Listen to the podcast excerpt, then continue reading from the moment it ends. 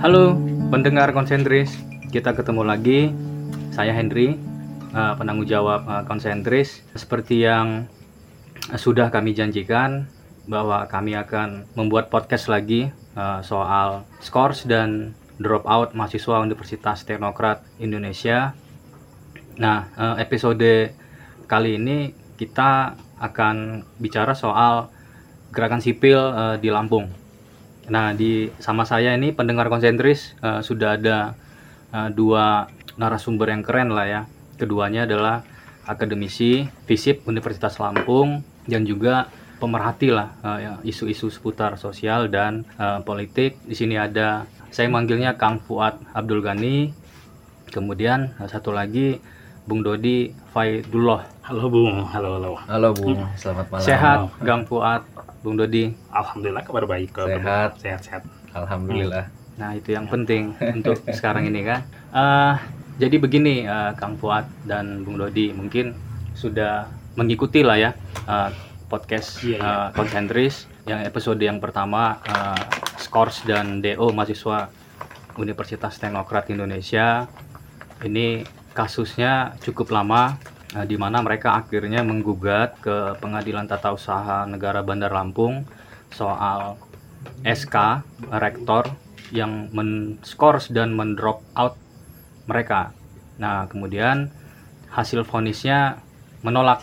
Jadi Pengadilan Tata Usaha Negara Bandar Lampung itu menolak seluruh gugatan teman-teman mahasiswa Universitas Teknokrat Indonesia. Nah, selama bergulir kasus ini itu relatif sedikit eh, solidaritas dari teman-teman mahasiswa lah ya, eh, khususnya di Lampung. Bahkan ketika ini pertama kali bergulir, itu justru yang bersuara adalah teman-teman dari UNES. Jadi UNES bukan di ya Semarang. Semarang. Jadi justru mereka yang pertama kali eh, menyuarakan hal ini, mengecam DO dan skors itu. Jadi bukan teman-teman di Lampung.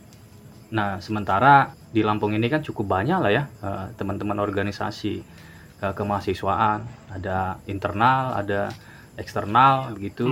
Tetapi justru dia minim eh, solidaritas terhadap perkara ini.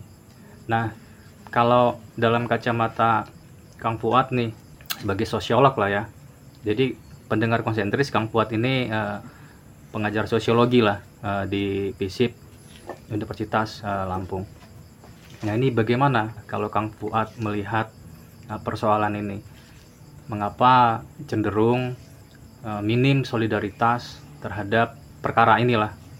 Hmm. Sebab perkara ini cukup apa ya cukup me- menyita lah ya eh, kalau untuk lingkup nasional cukup menyita perhatian karena sembilan mahasiswa Universitas Teknokrat ini mengalami skors dan DO setelah mereka berserikat. Jadi setelah mereka mendirikan sekretariat atau organisasi di luar kampus. Padahal kan ya itu hal yang wajar ya kalau Hmm. kita Iya iya iya. Hmm. mahasiswa kan ya hal yang Hmm. wajar gitu. Jadi ini justru mereka setelah berserikat kena DO dan skors dan perkaranya minim solidaritas.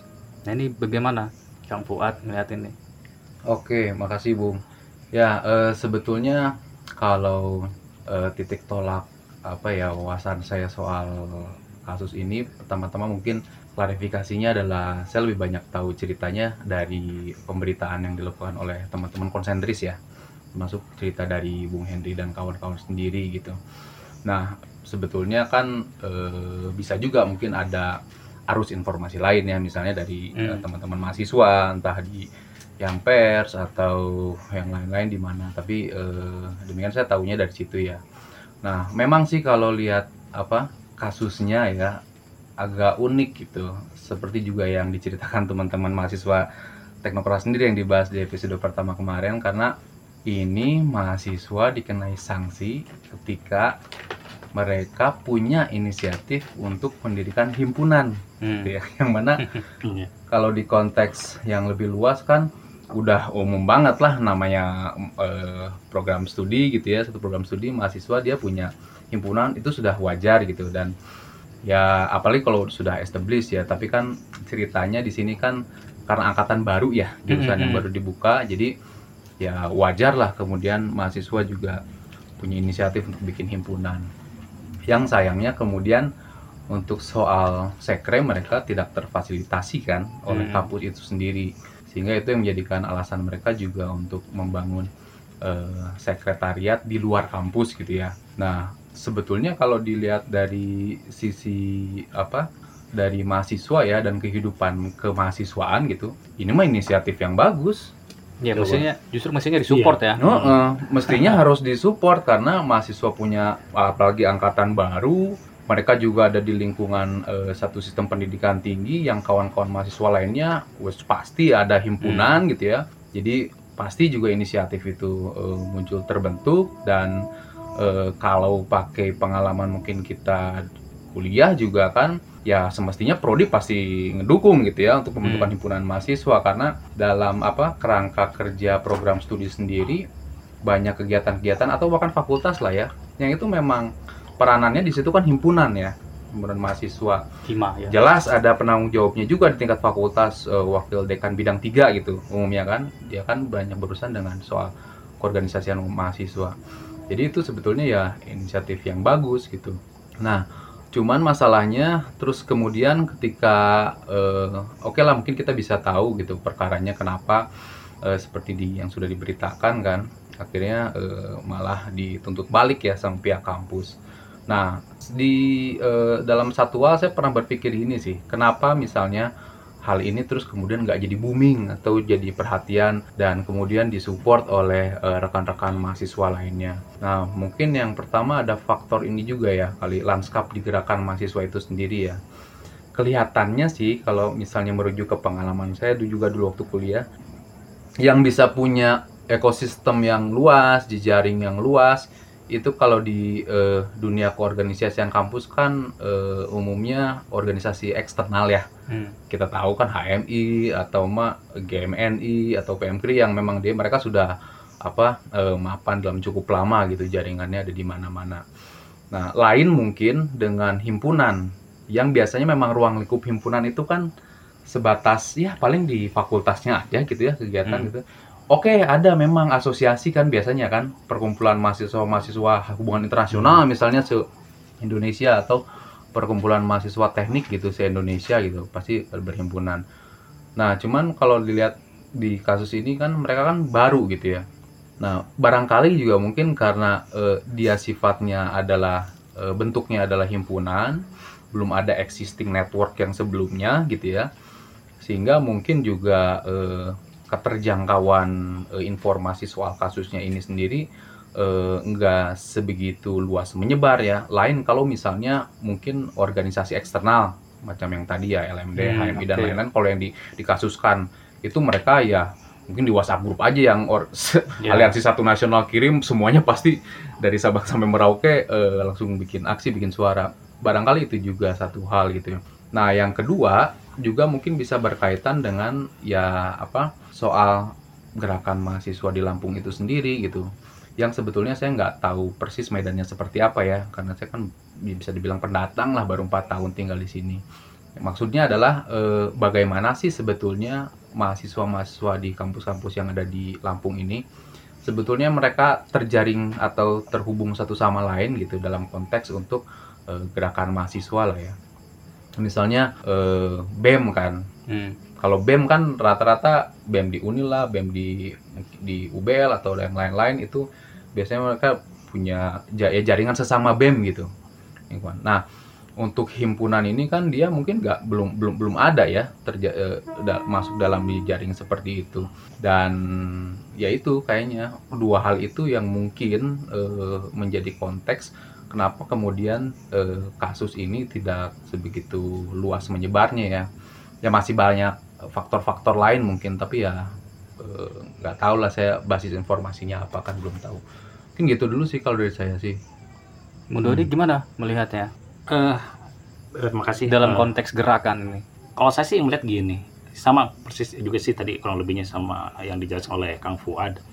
Eh, mungkin saya menambahkan bahwa ini juga jadi tantangan juga ya, maksudnya bagi gerakan. Saya kira saya lihat dulu eh, beberapa tahun ketika saya masih mahasiswa, lalu kemudian pasca kampus, ada problem di gerakan mahasiswa pun juga terfragmentasi ya. Maksudnya ekstra internal lalu kemudian lagi dikhususkan kepada uh, himpunan padahal kan itu sama-sama organisasi ya uh, Hmm. tempat berhimpunnya mahasiswa berorganisasi aktualisasi dan semacamnya itu sehingga eh, apa istilahnya tuh isu tuh tidak jangan sampai eh, di terisolasi gara-gara perkara cuman ini bukan ekstra ini bukan bem. Padahal ini kan ya sama-sama basicnya kan lebih lebih lebih fundamental ya soal bagaimana kebebasan mahasiswa untuk berserikat setidaknya kayak gitu.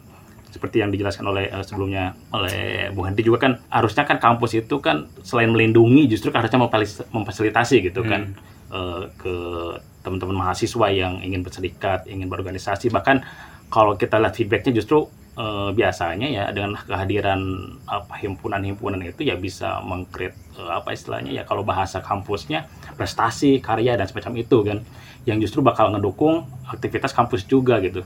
Sayangnya banget kalau misalnya gara-gara perkara ini eh, justru ada semacam apa ya kayak ego kampus yang yang yang apa justru malah eh, membuat kebebasan mahasiswa itu terbatas gitu. Nah, ini lagi tadi soal gerakan mahasiswa, ya soal segmentasi ini, apa ya, fragmentasi ini, misalnya saya coba membanding-bandingkan ya, walaupun ini bukan satu kasus yang sama. Eh, misalnya yang hari-hari ini sedang ramai dibicarakan adalah salah satu permasalahan eh, salah satu oknum dosen yang melakukan kekerasan seksual Hmm, di, oke. di di Riau. Tapi itu kan ternyata viral juga dan ternyata sampai tanpa ada apa istilahnya tuh tanpa ada permintaan apa pun ya semua Hmm. netizen mahasiswa langsung menyerang eh, semua Hmm. apa istilahnya tuh Instagram ya media-media sosial resmi sosial kampus ya. tersebut Ah. gitu kan. Nah ini saya melihatnya itu berarti ada potensi juga, ada potensi kemanusiaan juga sebenarnya dari teman-teman mahasiswa ataupun teman-teman netizen juga ketika memang ada permasalahan itu muncul gitu. Cuman mungkin di sini ya menjadi permasalahannya karena yang namanya gerakannya gerakan itu pun juga perlu semacam kayak strategi ataupun taktik yang agar si suara tersebut, maksudnya si permasalahan tersebut bisa di, bisa di bisa di apa ya di bisa sampai eh, didengar secara lebih luas gitu. Karena ya apalagi hari ini kan informasi ini kan sangat terbatas ya Hmm. hanya saya juga hanya membaca tuh hanya di beberapa kanal aja satunya kanalnya punya sentris gitu kan yang Hmm. memberitakan dengan cakap eh, dengan sangat baik dan sangat jelas gitu sedangkan di media-media lain hampir tidak pernah karena saya juga seorang pengguna aktif media sosial sehingga Hmm. eh, saya sering kali memperhatikan yang memang tidak apa ya tidak muncul gitu kan Hmm. Hmm. bahkan Isu ini ya. isu ini nggak muncul biasanya kan saya selalu eh, kepo misalnya ada beberapa isu-isu itu muncul lalu kemudian sampai nyari beberapa apa istilahnya itu akun yang paling pertama kali menyebarkan informasi itu kan ternyata kalau yang soal ini nggak terlalu banyak gitu bahkan yang bersikap pun juga hampir ya teman-teman tadi ada teman-teman UNES justru yang yang bersikap itu Hmm. Hmm. ini mungkin ya eh, perlu juga maksudnya ya lagi-lagi bagi teman-teman gerakan mahasiswa sendiri sih ini jadi pelajaran juga. Maksudnya tidak perlulah memfragmentasi bahwa ya ini kan masalah yang bisa siapa saja kena gitu. Tidak hanya kok tidak hanya himpunan tidak hanya BEM bahkan Hmm. mungkin organisasi ekstra pun juga sama. Ataupun mungkin ya eh, apa istilahnya tuh mahasiswa-mahasiswa biasa pun juga bisa kena ketika ini menjadi apa istilahnya dikasuskan lalu bahkan eh, sampai kepada segala rupa dan ternyata eh, ini bakal menjadi simptom juga ternyata kampus bisa sampai tanda kutip ya berhasil untuk mengalahkan eh, apa perjuangan mahasiswa kayak gitu. Ini kan simptom juga berbahaya bagi ternyata ketika dibawa ke ranah yang lebih eh, apa istilahnya hukum pun juga mahasiswa bisa bisa apa istilahnya tuh eh, mudah tanda kutip ya mudah untuk dikalahkan gitu. Untuk memperjuangkan eh, apa istilahnya tuh aspirasi aspirasi ataupun perjuangan untuk mereka berserikat kayak gitu. Itu mungkin Ya. Hmm.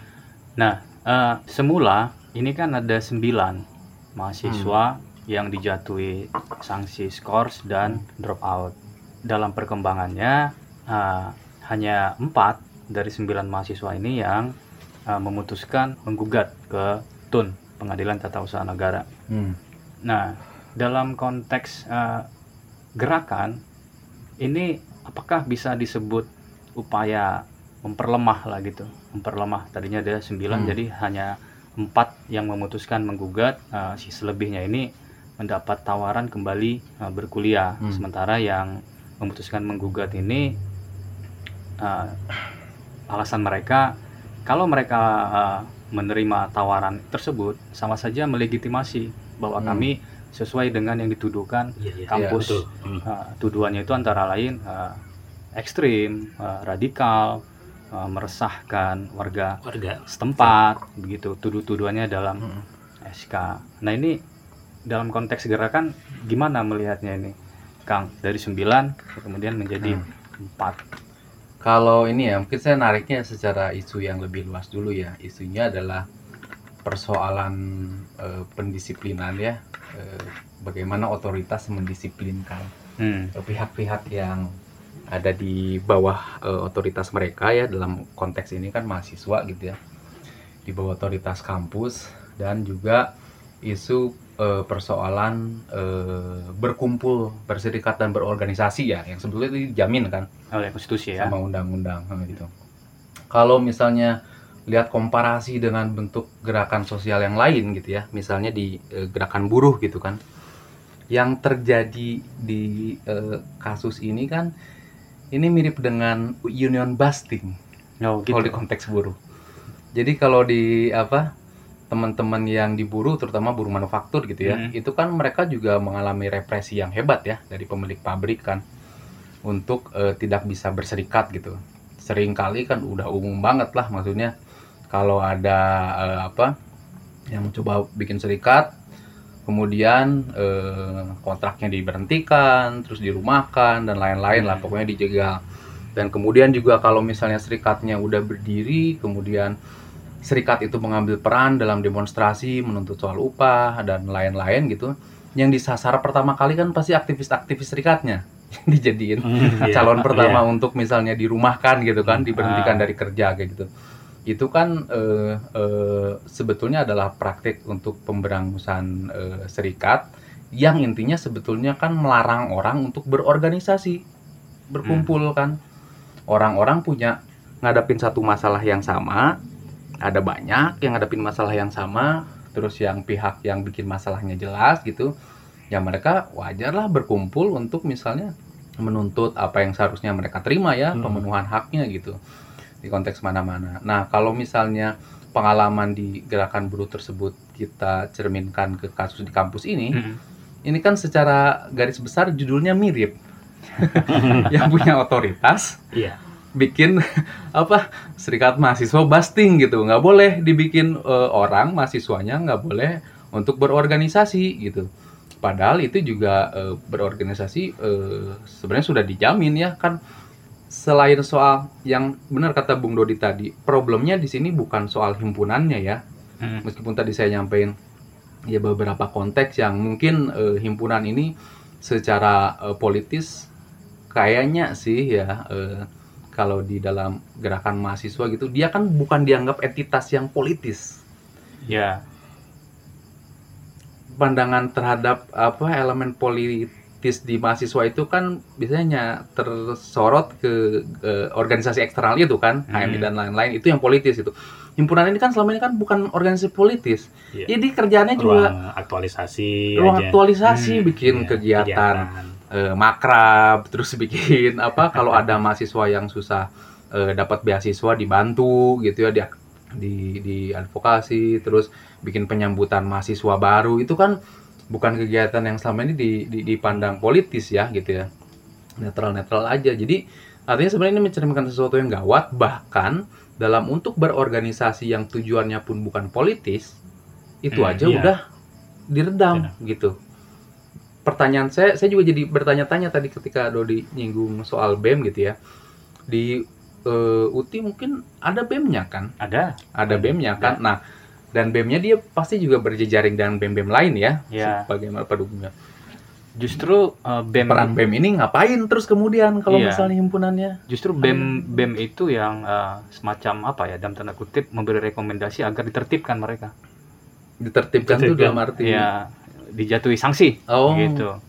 Iya, iya, Justru justru justru BEM-nya yang iya. nah ini makanya jadi kasus Iya. kasus unik lagi gitu. Dan itu juga menandakan bahwa eh, BEM di kasus ini belum mempunyai kepekaan sampai ke taraf. Itu yang kan paling paling dasar. Ya hak untuk berserikat berorganisasi.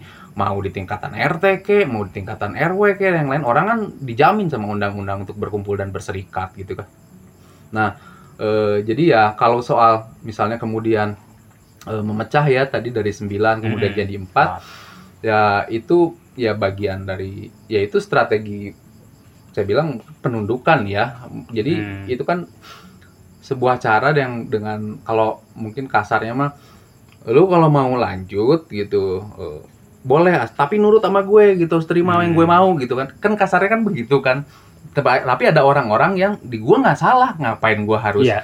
gue Dia harus accepted harus mengafirmasi bahwa gue salah Ah, gitu. Untuk hanya kemudian nah ini makanya kemudian teman-teman yang empat itu sebetulnya patut mendapat apresiasi yang lebih luas ya dan supporting yang lebih luas dari teman-teman. Karena meskipun kasusnya di tingkatan hima gitu dan konteks yang seperti tadi tapi ini menunjukkan bahwa ya keadilan tuh harus diperjuangkan gitu Ya. Iya. di situ nggak bisa sekedar hanya mau mengikuti perintah otoritas maka eh, hal yang tidak sepatutnya kemudian jadi dibenarkan. Nah kalau misalnya kemudian dibenarkan itu kan bakal jadi presiden apa ya ke depan-depan depannya ini kan bakal "Ah, ya udahlah di mending diikutin aja lah yang otoritas bilang apa Hmm. daripada kita lanjut kuliah. Makanya ini saya ya sangat simpatis dan memang perlu eh, support eh, banyak gerakan gitu.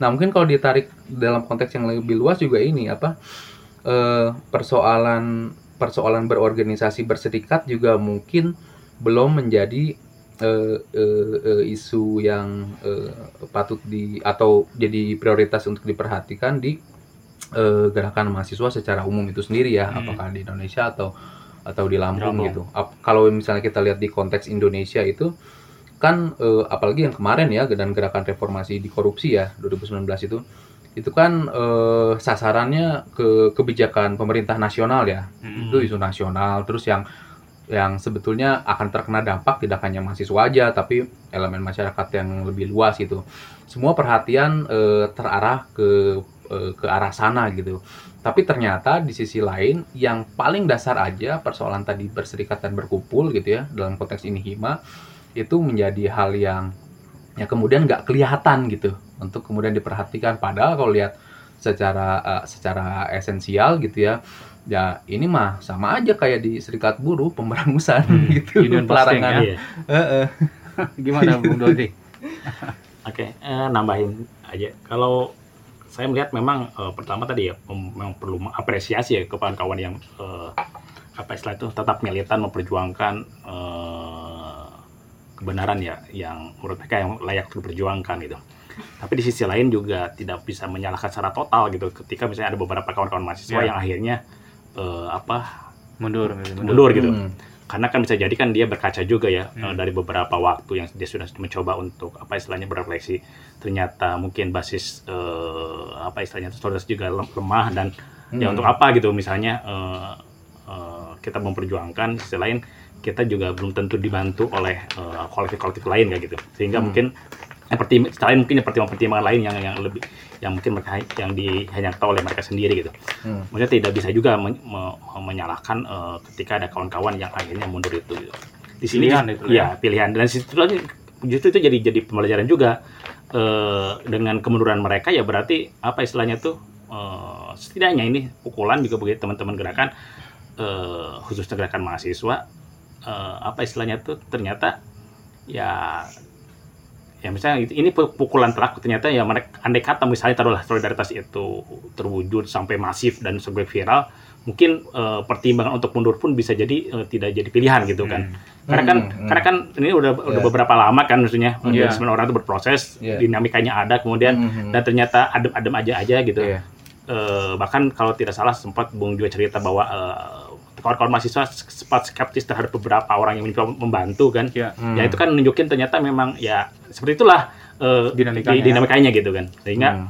eh, ini jadi pukulan nih maksudnya bagi teman-teman dan kritik juga bagi teman gerakan ternyata eh, apa istilahnya tuh yang namanya solidaritas itu benar-benar penting ditunjukkan untuk apa ya men- menambah semangat menambah keberanian gitu karena kan kadang ada orang yang memang eh, apa istilahnya tuh eh, dia mundur bukan karena mengakui kesalahan tidak gitu tapi Ah. karena ya energi dia udah habis gitu kan mungkin eh, dia mempercayakan kepada kawan-kawannya yang tetap berjuang kayak gitu Ya.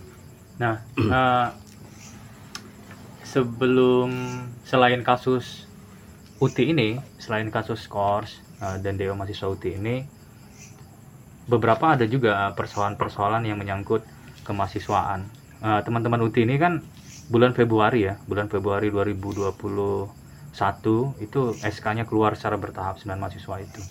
Nah, kalau tidak salah itu pada Januari eh, kasus teman-teman UBL kalau tidak salah, eh, Hmm. mahasiswa di Bandar Lampung itu dilaporkan dosennya ke polisi setelah berdemo menuntut keringanan uang kuliah tunggal. Kemudian eh, Februari kasus skor dan DO mahasiswa UTI. Nah Maret itu eh, kasus eh, sanksi juga eh, SP kalau tidak salah peringatan terhadap teman-teman mahasiswa Polinela atau Politeknik Negeri Lampung setelah mereka juga berencana itu hanya berencana menuntut eh, keringanan uang kuliah tunggal. Nah maksud saya ini Hmm. beruntun nih Hmm. dari Januari, Februari, Maret uh, terjadi kasus-kasus ya, yang berhubungan dengan kebebasan berekspresi lah ya, kebebasan berekspresi dan kesamaannya adalah para korbannya mahasiswa, semua korbannya adalah mahasiswa. Dan uh, ketiga isu ini, ketiga persoalan ini juga relatif minim uh, solidaritas dari teman-teman Hmm. gerakan Iya. di Lampung. Padahal korbannya adalah mahasiswa, semuanya adalah mahasiswa kesamaan beda-beda kampus Iya, iya. lagi ya. Iya, tapi beda kampus, tapi semua korbannya adalah mahasiswa. Nah, kita tahu bahwa banyak ya tadi organisasi kemanusiaan itu kan banyak gitu. Nah, jadi kadang saya sampai berpikir apa gunanya ya organisasi ke, Iya, iya, iya. ke- kemahasiswaan ini begitu. Nah, ini apa sih ya, yang membuat mereka ini teman-teman mahasiswa ini apa ya bersolidaritas pun agak berat begitu. Padahal kan eh, mereka berorganisasi gitu loh. Jadi Hmm. saya kadang sampai mikir ngapain aja ya sama berorganisasi gitu. Ini menurut saya persoalan yang fundamental gitu. Gimana ini? Kang Fuad. Iya, kalau aku sih yang sementara ini terbesit ini ya, persoalan coverage isunya ya, persoalan apa? cakupan daya eh, sejauh mana gitu ya eh, gerakan mahasiswa di Lampung gitu. Itu eh, mampu mencakup eh, isu-isu yang terjadi di mahasiswa itu sendiri gitu kan. Kan pasti banyak ya dari mulai kekerasan eh, atau pelecehan seksual gitu Hmm. terus soal yang ini kebebasan berekspresi dan lain-lain itu kan banyak nah eh, persoalan isu kemudian eh, mana yang akan ditangkap kemudian di apa diamplifikasi itu juga bisa jadi dipengaruhi sama eh, diskursus yang lebih luas kan gitu ya Hmm. misalnya paling kentara itu waktu soal eh, pelecehan seksual kan ya kan Oke. kita juga tahu ada beberapa kasus pelecehan seksual oleh dosen ke mahasiswa gitu kan yang di konteks nasional diskursusnya adalah ya RUU PKS juga sedang diperjuangkan Hmm. banyak pihak juga kemudian eh, berani untuk eh, speak up ya tentang adanya eh, fakta itu di berbagai macam kampus gitu kan dan apalagi organisasi-organisasi yang concern terhadap kekerasan Iya. terhadap perempuan itu kan lebih eh, lantang lagi gitu suaranya gitu jadi ada medan suara-suara yang eh, mendukung untuk satu untuk kasus tertentu itu bisa teramplifikasi gitu ya. Tapi itu kan eh, hanya satu faktor aja ya. Nah balik lagi sebetulnya kalau saya pertanyaannya persis sama Bung Henry tadi sih sebetulnya. Jadi di gerakan mahasiswa ini eh, mereka sebetulnya ngapain, Ngapain aja sih? aja, Maksudnya gitu. ngapain aja tuh dalam artian eh, yang dilihat oleh mereka itu sebetulnya titik-titik yang mana aja dan kesinambungannya seperti apa. Kan kalau misalnya kita lihat lihat fenomena sosial gitu kan sebetulnya kan eh, apa dia muncul tidak parsial ya. Satu hal itu muncul dalam kaitannya dengan hal-hal yang lain ya. Misalnya contoh kemiskinan gitu ya. Atau enggak misalnya contoh eh, eh, apa eh, gelandangan lah misalnya pengemis gelandangan gitu. Kalau kemudian misalnya adanya fakta banyak pengemis, banyak gelandangan dilihat hanya secara sempit dan dari satu segi aja, mungkin hanya bisa dinilai kan ini orang-orang yang nggak punya eh, kerjaan gitu ya, eh, nggak punya kerjaan, terus akhirnya terluntar lantung di jalan, nggak ada yang nampung dan lain-lain. Tapi sebetulnya kan kalau dilihat dari kacamata yang lebih luas itu juga produk sosial Hmm, oke. ya gelandangan pengemis dan lain-lain gitu ada proses-proses sosial yang memunculkan adanya orang gelandangan gitu bisa terjadi bahwa di satu region di satu wilayah dengan misalnya eh, jalur pembangunan tertentu gelandangannya banyak. Tapi di tempat lain yang jalur pembangunannya beda mungkin gelandangannya nggak banyak gitu kan. Nah artinya itu bisa jadi terhubung dengan misalnya dinyatakan oh itu kemiskinan gitu. Potret kemiskinan. Ya tapi kemiskinan kan bukan pemberian Allah Subhanahu Wa Taala Hmm. juga. Dia kan? Proses sosial diciptakan, Iya, diciptakan, kan ya. Eh, eh, Ya, ya.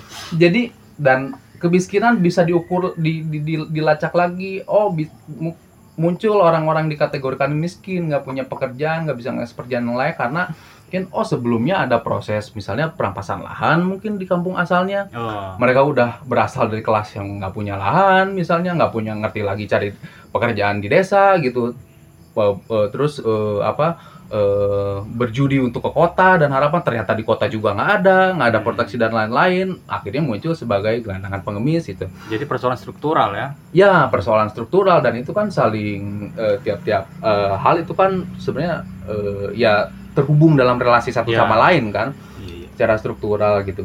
Nah, balik lagi ke yang kasus ini gitu dengan misalnya ada orang-orang atau mahasiswa yang untuk soal persoalan UKT dan lain-lain itu juga berarti harus dilihat secara eh, struktural dong. Nah, pertanyaannya jadi gini kan untuk gerakan mahasiswa apakah gerakan mahasiswa sudah melihat itu sebagai suatu hasil dari proses sosial yang lebih besar gitu ya? Yang sebetulnya sangat relate sama mereka gitu? Atau mungkin ternyata di gerakan mahasiswa sendiri udah punya list menu gitu ya? Hmm. isu-isu apa aja yang yang Akan perlu di- disuarakan. di- disuarakan? Karena kan kita juga nggak bisa menafikan. Misalnya BEM punya networkingnya sendiri se Indonesia organisasi eksternal punya networkingnya sendiri. Mereka kan hidup juga dalam diskursus masing-masing ya. Ada kalanya diskursus itu beririsan gitu ada kalanya mungkin diskursus yang misalnya eh, concern jadi H- di HMI mungkin itu bukan concern untuk di PMII gitu ya. Mereka kan punya masing-masing. Nah jadi persoalannya itu juga. Jadi eh, ya sejauh mana mahasiswa eh, gerakan mahasiswa bisa ngelihat apa satu kasus yang muncul itu sebagai bagian dari proses yang lebih luas gitu nah kalau misalnya lihat ininya ya eh, lihat eh, di eh, aspek yang atau di sisi yang merepresinya gitu ya Hmm.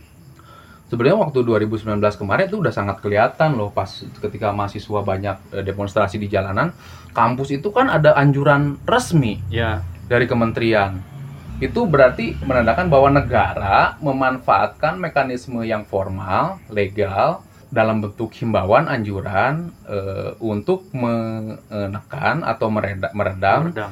ekspresi eh, sosial gitu di eh, basis sosialnya gitu di mahasiswa dan lain-lain. Dan bahkan kan sampai ada kalau misalnya ada dosen yang nganjurin bisa dilaporin dan lain-lain macam macam-macam kan. Nah apa kalau misalnya dilihat di arah situ itu kan artinya eh, re- represi terhadap kebebasan berekspresi publik ya ketika mahasiswa dilihat sebagai bagian dari publik itu kan berarti kan udah sangat luas gitu di pabrik itu terjadi, di kampus itu terjadi. Mungkin kalau yang eh, kerja jadi PNS di dinas gitu, mungkin juga itu terjadi ya. Padahal mungkin ada Iya. aja eh, eh, apa eh, karyawan dinas Hmm. yang dia punya suara lain gitu untuk disuarakan, tapi Hmm. ada bentuk represi juga gitu di sana kan. Jadi nggak bisa suara itu tersampaikan gitu.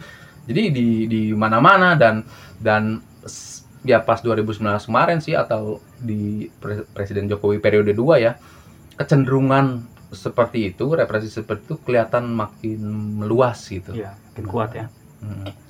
Nah, ini bukankah ini persoalan problematik, Bung Dodi? Nah, maksudnya begini, ini kan adalah isu kemahasiswaan Iya, iya. dan banyak eh, gerak eh, eh, lembaga-lembaga kemahasiswaan. Mengapa cenderung minim solidaritas untuk merespon yang isu kemahasiswaan yang justru itu dekat sekali Iya. dengan Hmm. Hmm. mereka? Apakah ini bukan persoalan yang problematik? Eh, jelas ini tentu kalau bagi saya ini sangat problema- problematis ya karena eh, bagaimanapun isu ini kan sangat relate banget ya dengan dengan kehidupan eh, kemahasiswaan ya Eh, mahasiswa di DO karena perkara cuman hanya eh, berserikat saja gitu Eh, tadi mungkin pertanyaan apa eh, tolak ukur yang dicoba disampaikan oleh Kang Fuad itu kan menarik juga ya. Eh, sejauh mana sih se- sebenarnya perspektif gerakan mahasiswa hari ini dalam melihat permasalahan gitu kan. Sehingga mereka bisa bisa apa istilahnya sampai sejauh mana mereka memahami bahwa eh, apa ya permasalahan itu yang harus dikalahkan ataupun yang diperjuangkan itu tidak melulu selalu dalam narasi besar gitu karena untuk hal-hal yang yang yang di depan mata kita pun juga selalu berrelasi dengan eh, apa istilahnya permasalahan yang lebih lebih maksudnya ada payung permasalahan yang lebih besar gitu Hmm. sehingga hari ini kan ketika misalnya ada eh, kasus mahasiswa yang di apa di DO gitu ya itu kan nunjukin ternyata taruhlah kalau misalnya gerakan mahasiswa itu concern dalam eh, menyoal demokrasi gitu kan ya berarti kan ini demokrasi bermasalah ya hari ini gitu kan demokrasi bermasalah gitu sesuatu yang isu-isu ini sebenarnya makanan sehari-hari mungkin ya diskusi mereka sehari-hari ketika misalnya ya Hmm. kalau saya melihat ininya ya apa eh, Hmm. poster mereka melihat eh, flyer-flyer mereka itu kan isunya selalu soal itu gitu tapi ketika misalnya eh, apa istilahnya tuh ada kasus yang nyata konkret gitu sayangnya kan eh, minim suara di sana gitu jelas ini problematis bung Eh, cuman lagi-lagi ya yang yang bisa menangkap secara jelas apa istilahnya tuh eh, problem ini ya adalah di gerakan mahasiswa sendiri gitu kita nggak bisa juga sih selalu pandangnya misalnya kita memang masing-masing pernah ikut beririsan dengan gerakan mahasiswa zaman dulu saat kita masih mahasiswa gitu Hmm. tapi kan kita tidak tidak bisa mengatakan dulu dulu kita ini dulu Iya. nggak bisa juga Nah. gitu Hmm. hari ini pun juga ya mungkin pendekatan mahasiswa pun juga harus bisa maksudnya biar lebih objektif juga Eh, tapi di sisi lain sih sangat menyayangkan banget kalau misalnya mahasiswa sampai tidak setidaknya solidaritas kan Eh solidaritas di sini kan Iya. dal- banyak Selama-lamanya iman kan solidaritas ya. Iya, benar. Selama iman itu solidaritas. Ada banyak ekspresi yang bisa dilakukan gitu. Menyampaikan press release kayak atau ikut aksi. Ya sekarang pun juga aksi pun juga bisa lewat eh, apa ya online lah ya Hmm. sebagai bentuk apa istilahnya eh, saling tukar informasi segala rupanya gitu. Eh, atau mungkin atau mungkin ini eh, asumsi ini. Ini bukan penjelasan yang ilmiah banget. Eh, kawan-kawan mahasiswa lebih senang concern dengan isu-isu yang memang dianggap apa istilahnya tuh eh, besar gitu. Menyerang pemerintahan pusat isu-isu yang memang apa istilahnya tuh eh, berada di lebih dekat dengan apa kekuasaan di pusat gitu. Sehingga eh, bentuk itu kan walaupun memang nyata tapi sebenarnya kan abstrak kan lawannya gitu kan. Hmm. Sehingga sehingga kalau kalau yang hari ini kan jelas kan tanda kutip ya yang yang yang akan dilawan itu adalah sosok-sosok ya eh, misalnya pejabat kampus yang yang di depan mata yang memang eh, pakai U dan semacamnya kayak gitu kan. Eh, ya ini mungkin ya sih, ataupun eh, jadi ya ini asumsi aja sih maksudnya. Eh, jadi mahasiswa itu akan benar-benar melakukan energi ketika isunya itu eh, luas nasional baru mereka berekspresi. Nah, tapi ini justru malah menjadi apa istilahnya itu kalau memang itu eh, demikian terjadi ya ini eh, ya patut dipertanyakan juga gitu. Ngap- eh, karena kan yang namanya kalau kita membaca dari berbagai macam apa profil-profil berbagai macam organisasi mahasiswa itu kan ya banyak sekali ya apa istilahnya eh, apa istilahnya yang yang yang memperjuangkan ya sebenarnya memperjuangkan kebenaran terus kemudian kemanusiaan dan semacamnya itu kan. Ataupun juga demokrasi juga gitu ketika memang ada kasus yang yang sifatnya yang benar-benar di depan mata gitu taruhlah eh, apa di di kasus di di Lampung gitu ya kalau sampai saat tidak ada satupun organisasi mahasiswa di, di Lampung yang tidak apa istilahnya tuh mengekspresikan keresahannya, mengekspresikan solidaritasnya, ya mungkin saya bisa memper- mempertanyakan eh, apa istilahnya tuh eh, masa depan gerakan mahasiswa di Lampung gitu, gitu.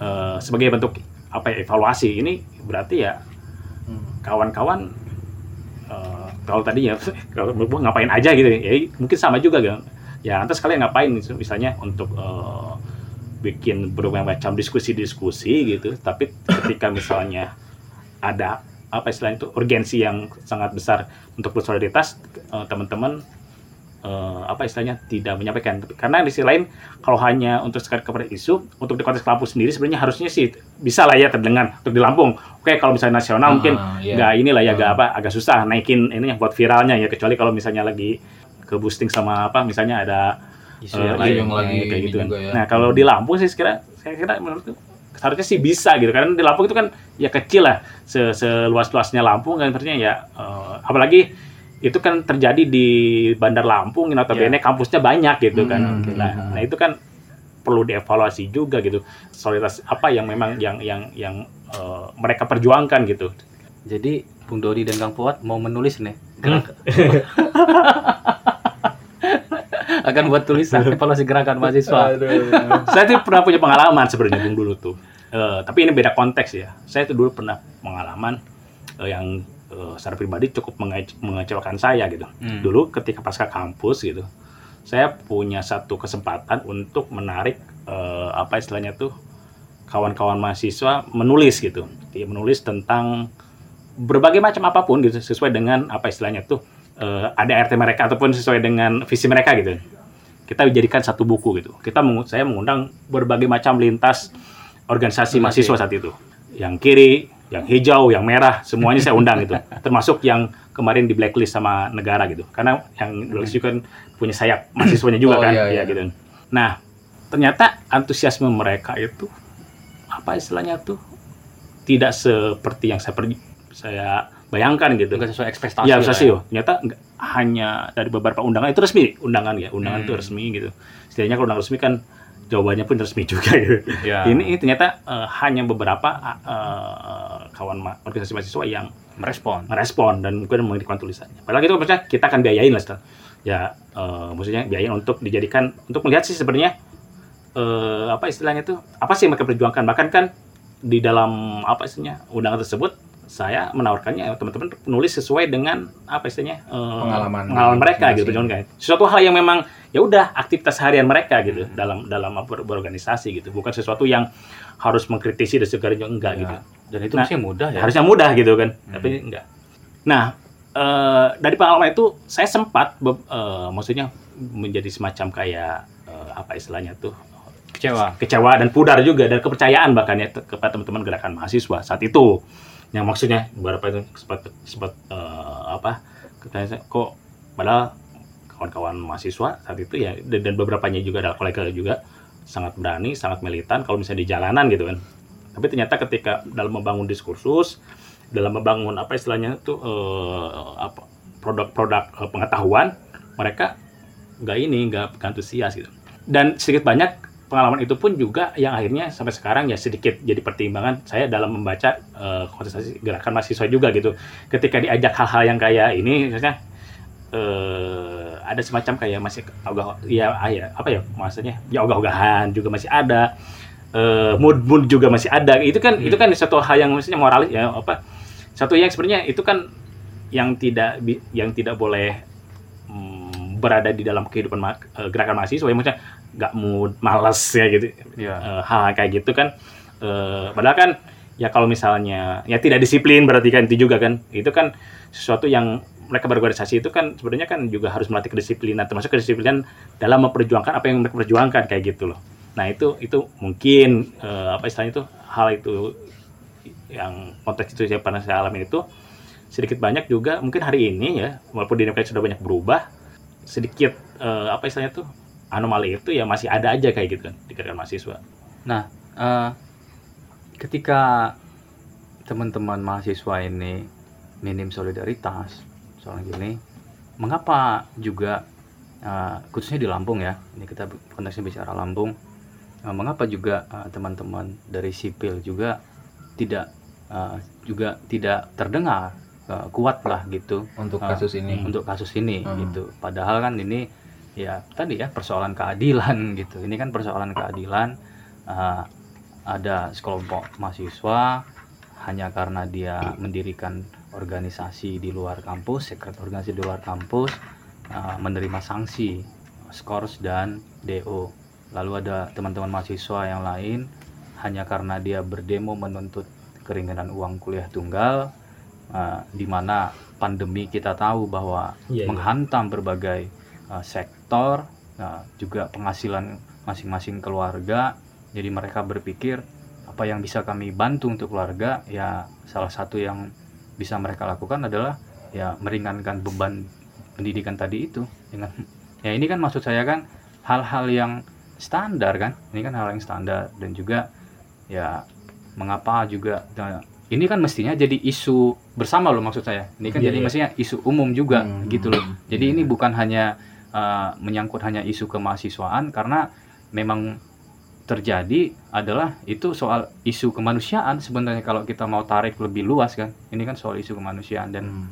dan mengapa juga eh, teman-teman dari apa ya gerakan sipil juga ini cenderung tiarap juga untuk eh, merespon atau misalnya apa ya bersolidaritas Hmm. atau mana gitu Hmm. ini bagaimana ini melihat ini Kang Fuad Ya gimana? jadi ya? ternyata linier ini ke Ah. gerakan sipil juga begitu Iya, saya jujur aja sih eh, nggak begitu paham juga ya soal kayak apa ya Medan misalnya gerakan sipil di Lampung ya ya mungkin saya kurang gaul juga kali ya sama baru-baru juga di sini gitu. Nah, cuman kalau misalnya di bisa jadi soal yang pertama terkait dengan ini, Bu. Iya, maksud saya kan begini, Apa? ketika misalnya teman-teman di Hmm. gerakan sipil ini uh, menyadari soal Iya, ini, iya. wah ini mahasiswa kok ini nih kan, Hmm. mestinya kan bisa Ya, iya, mengambil ingat. Iya. uh, peran itu kan, Ya, peran ya. itu kan bisa bisa, Nah. bisa bisa diambil karena kan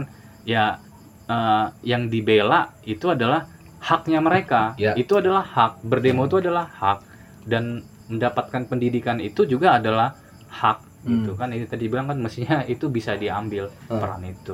Nah, ya makanya kalau saya mungkin mau narik persoalannya ke agak umum dulu ya dari soal apa eh, gerakan sipil itu sendiri gitu ya. Nah, dalam benak saya sih yang saya pahami eh, atau dalam pembicaraan ini di eh, tuju tentang atau dirujuk sebagai gerakan sipil ya itu kan mewujud dalam bentuk organisasi-organisasi sipil ya banyaknya mungkin eh, rupanya adalah lembaga eh, swadaya masyarakat orga atau organisasi non pemerintah ya.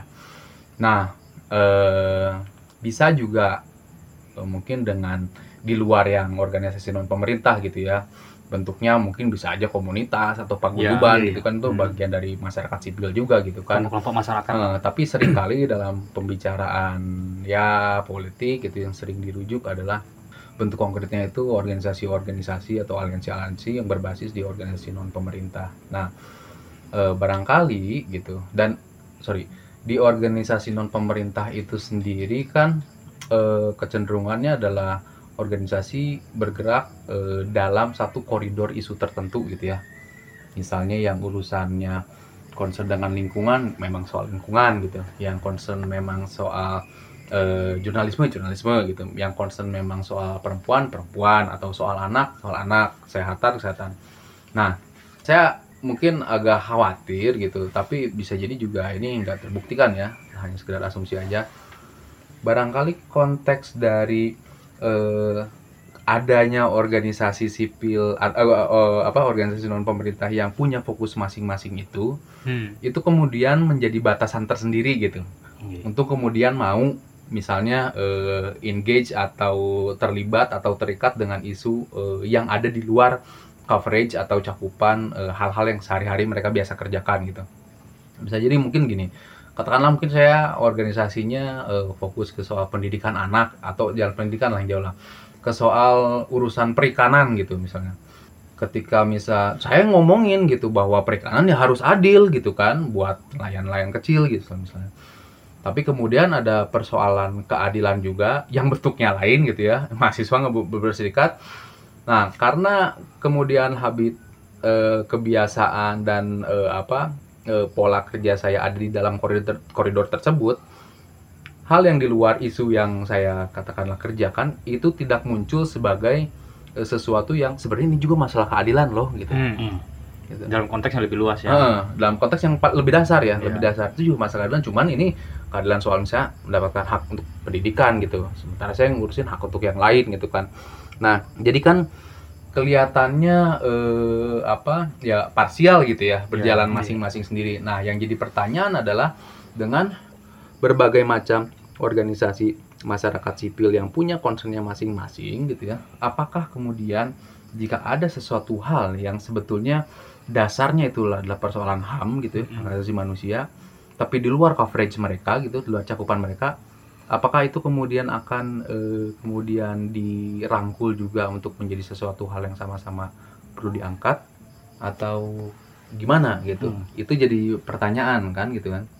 Ya, kalau menurut Kang Fuad sebaiknya gimana kalau menurut saya dalam kapasitas solidaritas gitu Hmm. sebetulnya tidak ada bukan tidak Sekat ada ya? salahnya sih gitu Eh, dalam hal solidaritas sekat itu kemudian harus harusnya nggak ada kan Iya, itu basic sekat. aja gitu Iya, kan Itu Hmm. basic esensial dari- ya. Hmm, iya, eh, basicnya kan tetap hak asasi manusia gitu. Ya memang dari hak asasi manusia juga cakupan-cakupannya banyak gitu. Tapi Hmm. namanya itu kan itu kan sesuatu hal yang dia dia tergabung menjadi satu paket kan sebetulnya kan.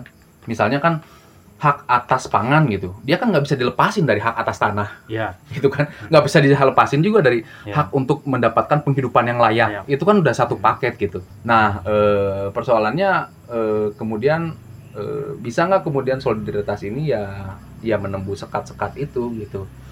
Itu sih yang jadi malah jadi jadi pertanyaan sih kalau buat saya. Dan kalau pengamatan saya sih di di, di luar konteks Lampung ya umumnya bergerak eh, jadi apa ya Kak? Jadi seperti ada ada radiusnya gitu Hmm. kalau yang sangat concern dengan dia itu akan dianggap sebagai sesuatu ini harus harus kemudian ya diadvokasi atau di solidaritas atau apa tapi mungkin kalau radius isunya agak jauh Hmm.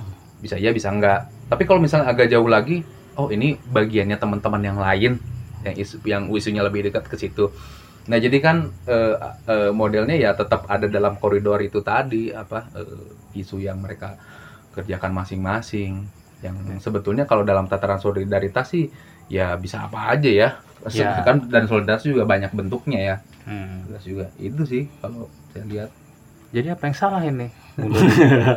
Susah juga itu udah salah. Karena istilahnya juga gini, Bung. Eh, ya kalau kita mau baca pengalaman teman-teman gerakan NGO pun juga hari ini ya taruhlah eh, mas, mas, apa gerakan masyarakat sipil pun kita manifestasikan sebagai NGO lah ya. Yang paling eh, apa istilahnya yang paling sering di mention Hmm. dalam konteks politik gitu.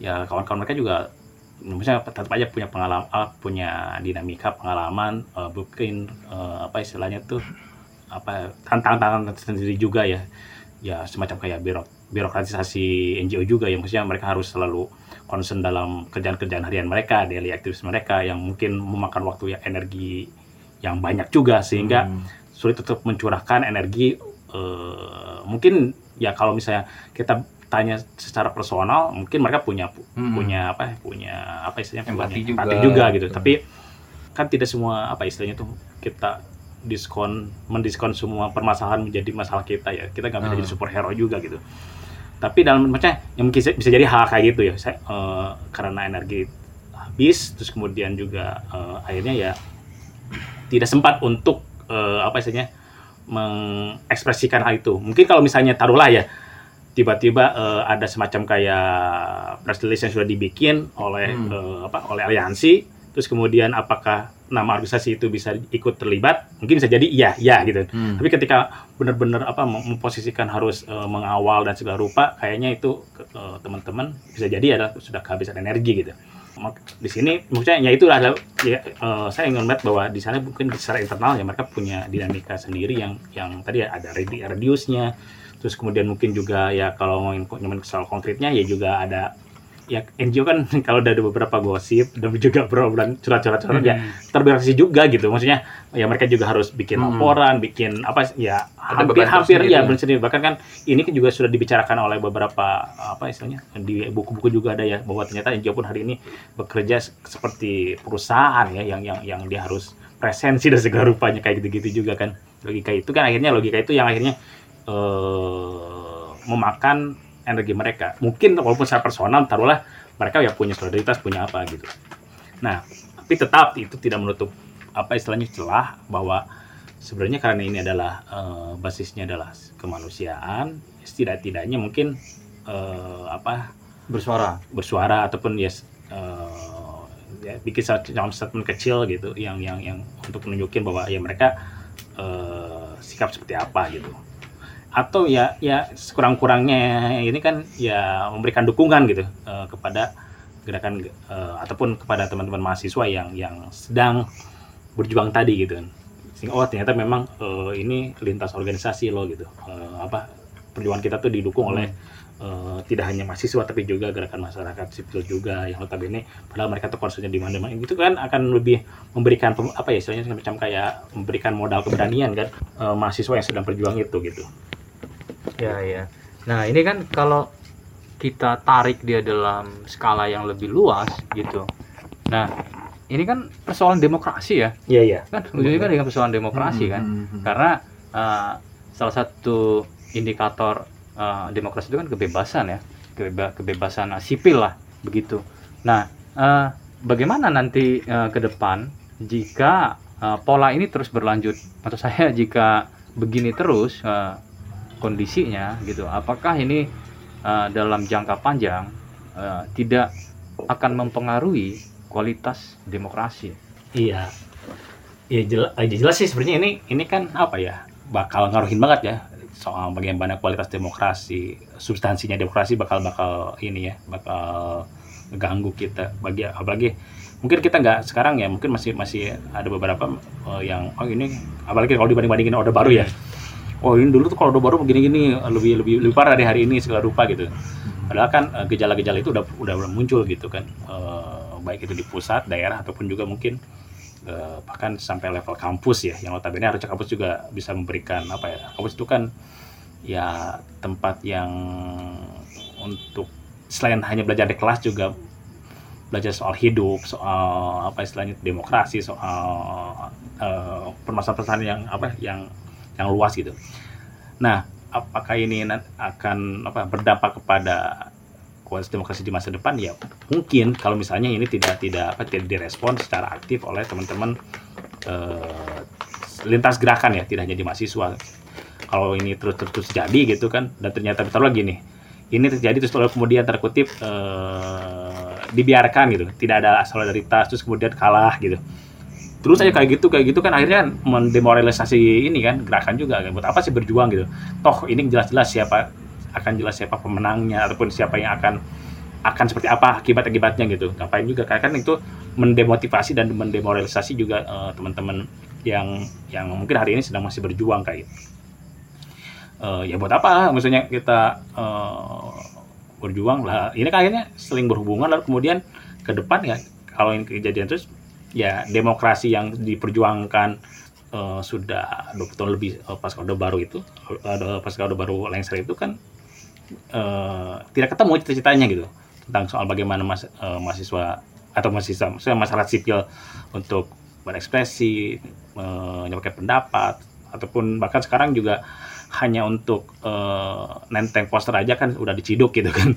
Kayak gitu gitu kayak, kayak gitu. maksudnya untuk hal kayak gitu kan jadi mirip-mirip juga gitu Eh, gejala-gejala itu eh, ya perlu diwaspadai pun aware juga gitu kan Eh, bahwa ini ya bisa terjadi di siap di mana pun di kapan pun bahkan untuk di kelas kampus yang notabene harusnya bisa melindungi gitu kayak gitu Hmm, hmm. Kang Fuad gimana melihat ini bahwa ini akan berdampak terhadap demokrasi khususnya di Lampung? Iya. Ya gejalanya sih udah eh, jelas ya. Memang saya setuju juga kalau kasus-kasus seperti tadi itu eh, gejala yang menunjukkan akan menurunnya kualitas demokrasi gitu ya. Eh, setidak-tidaknya dalam artian eh, orang gitu publik untuk bisa eh, berekspresi atau lebih tepatnya lagi menyuarakan aspirasi politiknya gitu ya Hmm, iya, iya. gitu kan Eh, itu menjadi lebih terkekang dan eh, apa terkekang diawasi dan jadinya orang-orang takut gitu kan. Iya. karena kan kita lihat juga maksudnya pengawasannya eh, kecenderungannya ya dalam eh, ya kalau buat saya sih paling kerasa eh, pemerintahan ini periode kedua ya pengawasannya jadi lebih lebih ketat gitu dibanding lain. Apalagi setelah 2019 yang aksi di, reformasi di korupsi itu itu menjadi eh, ketat gitu ya lebih lebih represif lah ya dan pengawasan lebih ketat. Nah eh, meskipun itu eh, kemudian bisa dianggap wajar gitu ya bagi eh, eh, katakanlah bagi negara gitu ya dalam konsep negara ketika eh, ketika eh, publik gitu ya publik itu punya eh, banyak suara yang eh, berbeda dengan apa yang dikehendaki oleh negara gitu kan eh, ya sebenarnya kan menyatakan ketidaksetujuan kayak gitu itu kan sebetulnya eh, ya kalau dalam kita kehidupan sehari-hari juga eh, eh, harusnya jadi hal Ya, yang wajar wajar gitu ya Iya.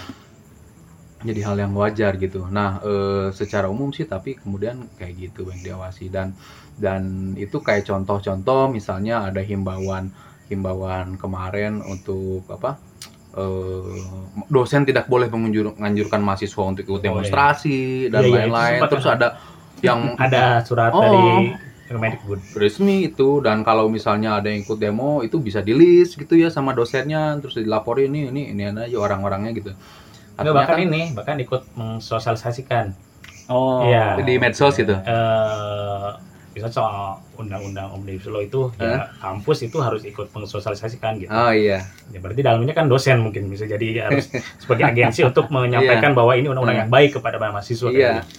Artinya itu mencerminkan ada satu pihak ya katakanlah ya negara yang eh, pengen suaranya harus selalu diiyakan gitu. pengen harus selalu Iya. diiyakan kan. Jadi nggak boleh enggak gitu kan. Harus selalu diiyakan gitu.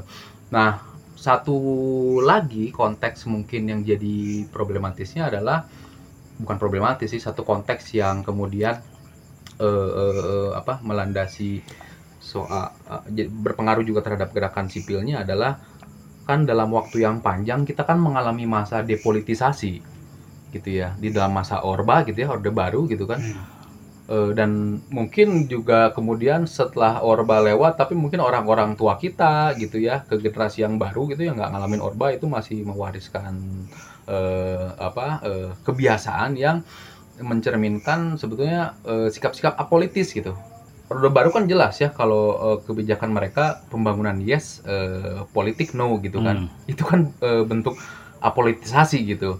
Jadi udahlah lu nggak usah macem-macem, lu yes Hmm, aja oke. kalau pembangunan gitu. Yang lain-lain nggak usah. Dan kalau misalnya ada muncul bentuk-bentuk ekspresi ketidaksetujuan yang lain-lain, ya zaman dulu bisa direpresi sepakai militer gitu kan. Di- dicap eh, PKI apalah dan segala macem gitu. Nah, praktik-praktik semacam itu juga eh, muncul lagi sekarang eh, ketika orang-orang lebih relatif punya akses yang lebih besar kan terhadap informasi ya. Cuman yang jadi masalah adalah eh, yang jadi pertanyaan sorry eh, sejauh mana terus kemudian setelah kita lepas dari orde baru ada keluasan informasi itu kemudian membuat eh, publik atau masyarakat itu bisa lebih politis gitu. Politis itu berarti dimaknai dalam artian ini kan bukan terkait dengan politik elektoral semata ya, tapi urusan hidup sehari-hari dalam hal kita akan menentukan untuk seperti apa, itu kita bisa punya kendali penuh gitu di Penuh. situ gitu kan. Iya. Dan kita terlibat dalam untuk menentukan itu gitu kan. Nah, kayaknya kalau dengan kejadian-kejadian seperti ini terus diskusi tadi soal respon dari gerakan mahasiswa yang lebih luas, mungkin eh, sikap-sikap politis yang apa ya ter, udah menubuh secara individual ke orang-orang itu juga belum terlalu meluas gitu akibat dari pengaruh eh, orde baru tadi dan dan jadi sangat perlu kemudian kalau digerakkan mungkin kita gimana supaya kita mempolitisasi kehidupan sehari-hari. Artinya adalah dalam hal apa misalnya pangan aja gitu ya Iya. soal makanan ini gitu. Kita bisa kita eh, bisa nggak untuk eh, menuntun untuk melihat bahwa siapa sih yang ngeproduksi ini Hmm. produksi, makanan yang kita makan gitu ya. Dia diproduksi dalam relasi sosial yang seperti apa? Siapa yang untung siapa yang rugi? Yang ngeprodusennya yang tangannya kerja tiap hari gitu untuk bikin aqua ini gitu misalnya dia dapat share keuntungan yang berapa? Hidupnya makmur apa enggak? Kayak gitu ya. Dan kita semua oh, orang-orang makan konsumsi itu tiap hari. Sebenarnya kita nguntungin siapa sih gitu?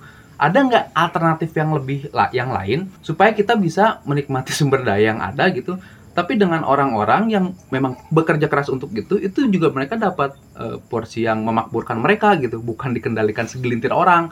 Nah itu kan sebenarnya bisa dalam banyak hal gitu ya. Kalau yang sehari-hari hari gitu bisa di- bisa dilihat dalam eh, eh, banyak hal gitu. Nah eh, saya hanya membayangkan sih kalau misalnya kemudian kesadaran itu sudah semakin meluas di banyak banyak orang gitu ya. Meskipun represi tetap ada gitu tapi kalau entah inilah eh, jangankan gerakan mahasiswa lah atau apa yang entah nelayan, petani atau kelompok misalnya pedagang kaki lima atau itu punya sikap politis gitu dan bisa eh, mereka mengorganisasikan kepentingannya gitu ya untuk mencapai sesuatu saya rasa sih potensi untuk menghubungkan itu satu sama lain menjadi lebih besar gitu untuk untuk melawan satu sistem yang kecenderungannya itu merepresi eh, suara-suara publik gitu. Hmm. Itu sih kalau saya lihat sih. Jadi pendekatannya lebih sistemik ya. Ya bisa dibilang gitu kali ya. Dan ja- jadi problemnya adalah mungkin pertanyaan buat gerakan adalah gimana terus kemudian untuk ini bisa membawa orang-orang the commons gitu ya orang-orang biasa masyarakat kebanyakan Iya. gitu yang nggak harus selalu punya ikut pengantar kuliah ilmu politik dia menjadi sangat politis gitu terhadap urusannya sehari-hari urusan bangun got urusan irigasi urusan apa gitu yang yang pasti namanya kalau udah di konstelasi politik itu semua setiap kelompok sosial kan punya gu- kepentingannya masing-masing gitu ya.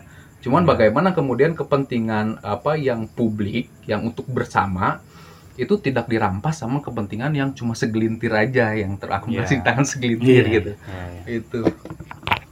Nah, eh, jadi ini pendengar konsentris tadi yang dimaksud eh, politik itu lebih luas tadi maknanya. Jadi bukan dimaknai sebagai elektoral saja, Hmm. tapi maknanya eh, lebih lebih luas hingga sampai persoalan-persoalan yang mendasar. Iya kan hampir tiap hari kehidupan masing-masing mas- manusia itu kan pasti selalu berkaitan dengan politik ketika bangun tidur matiin lampu lampu itu politis juga kan gitu.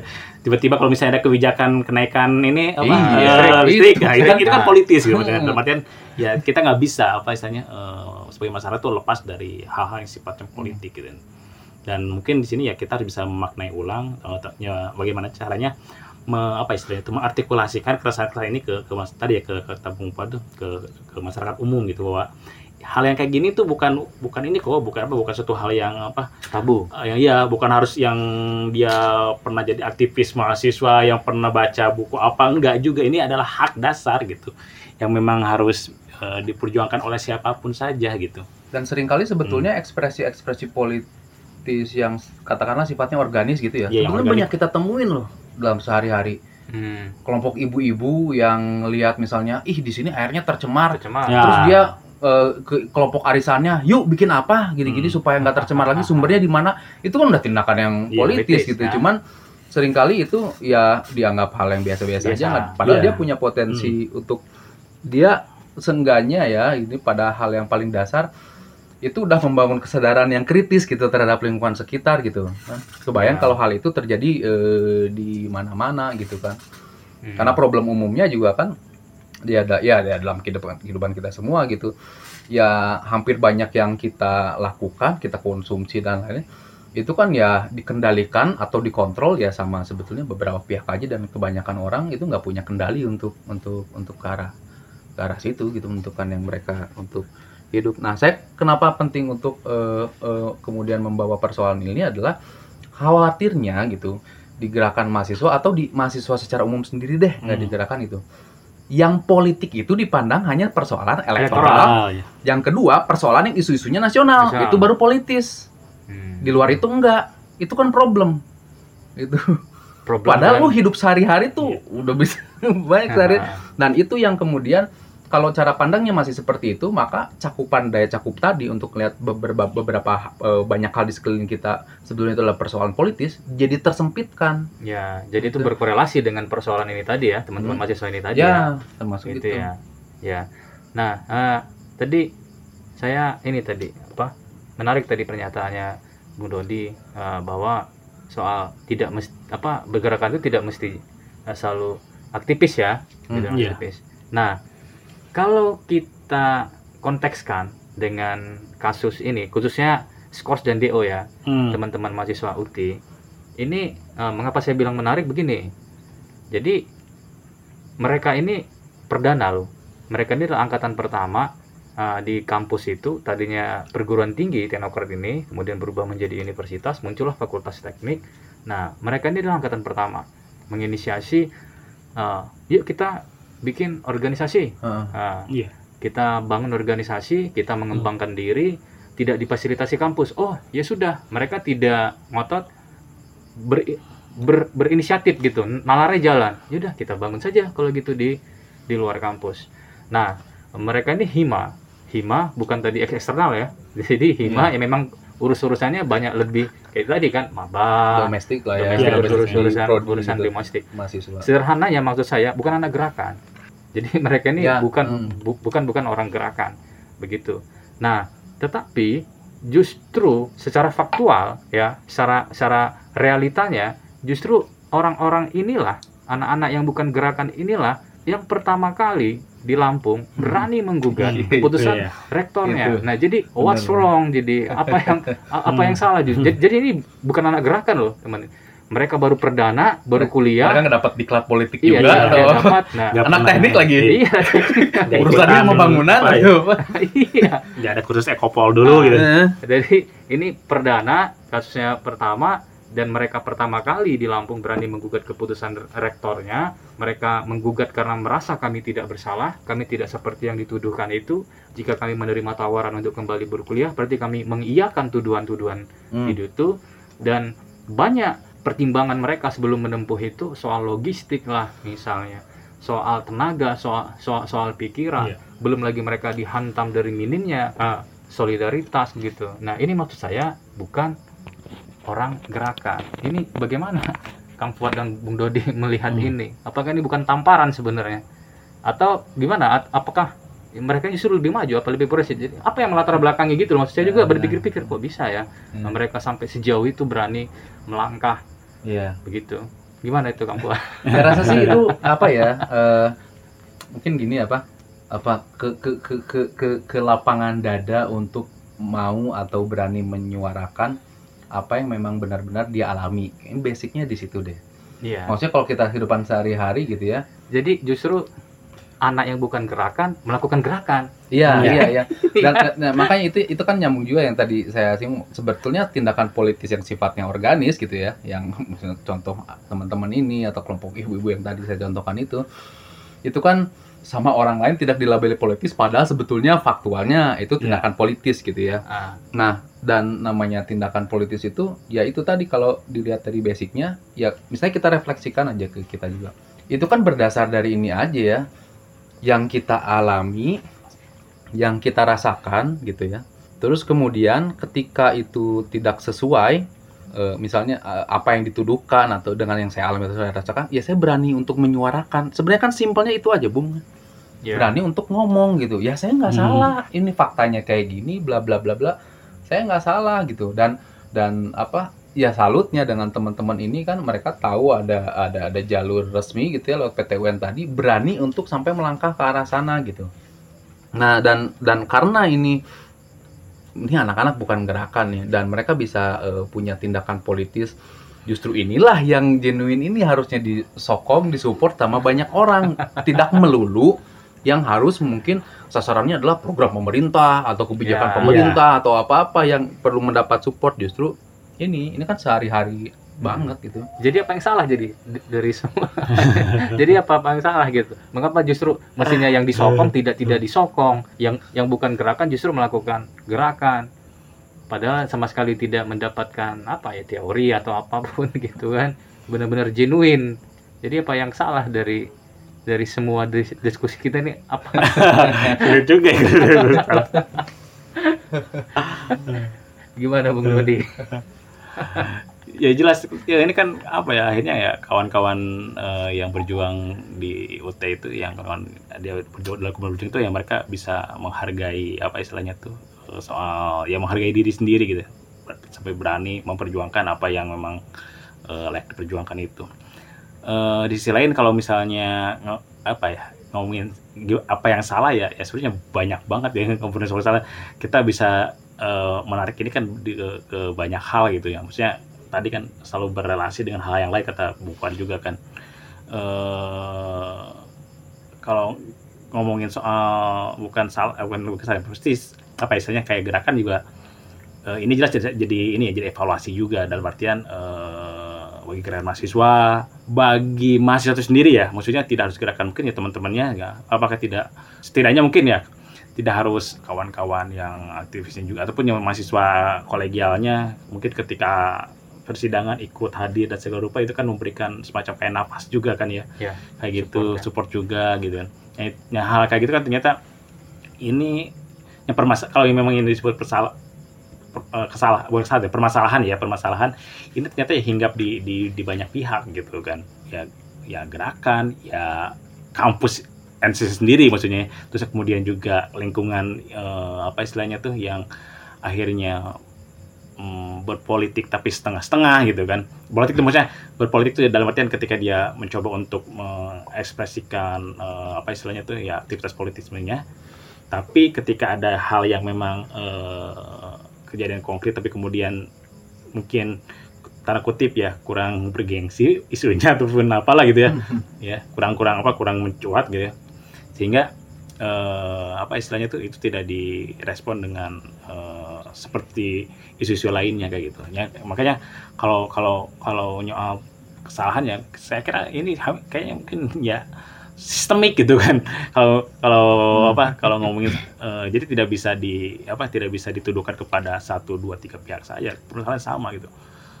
Gitu. Kampus kok bisa kayak gitu mahasiswa kok bisa juga kayak gitu gerakannya juga seperti itu kenapa ataupun mungkin masyarakat juga kayak, kok bisa masyarakat uh, umum pun juga misalnya kalau ada yang paham kok bisa kan itu bisa kejadian kan ke kalau misalnya nanti hmm. dia punya siapa aja siapa aja punya anak misalnya terulah gitu kan nyekolahin hmm. anaknya ke kampus gitu lalu kemudian eh ternyata uh, anaknya di DO gara-gara gara hal-hal tanda kutip remeh ya kayak gitu hmm. misalnya kayak gitu nah itu kan uh, sesuatu yang apa istilahnya tuh ya di semua pihak ya bisa bisa bisa hmm. ini bisa apa ya media pun juga mungkin sama juga gitu kan menjadi salah satu hmm. kalau nyebutin salah bukan salah sebenarnya permasalahan juga kan sisi lainnya karena kan kalau kayak kemarin saya baca pun juga sedikit sekali ya media yang yang beritakan, beritakan gitu kan hmm. berarti kan di sini juga ya ya akhirnya kan semuanya gitu kan kalau mau kalau ya maksudnya semua punya turut andil cuman sejauh mana uh, dari pas kejadian ini ya ya apa istilahnya itu ya mengevaluasi diri ya memang uh, apa apakah terus akan seperti ini gitu kan kita baru bergerak kalau misalnya itu benar-benar langsung uh, nyenggol diri kita baru kita mau gerak benar-benar kalau enggak mungkin ya udahlah gitu gitu uh, terlalu banyak uh, apa istilahnya tuh mengeluarkan energi kan nah, itu kan ya, kalau justru kalau kalau gitu cara berpikirnya yaitu uh, bermasalah sih kalau menurut saya kayak gitu. Yeah. Kalau ini juga ya yang mungkin garis singkatnya adalah seperti ini Bung apa kasus ini perlu dijadikan masalah gitu buat yeah. banyak orang. Iya. Yeah.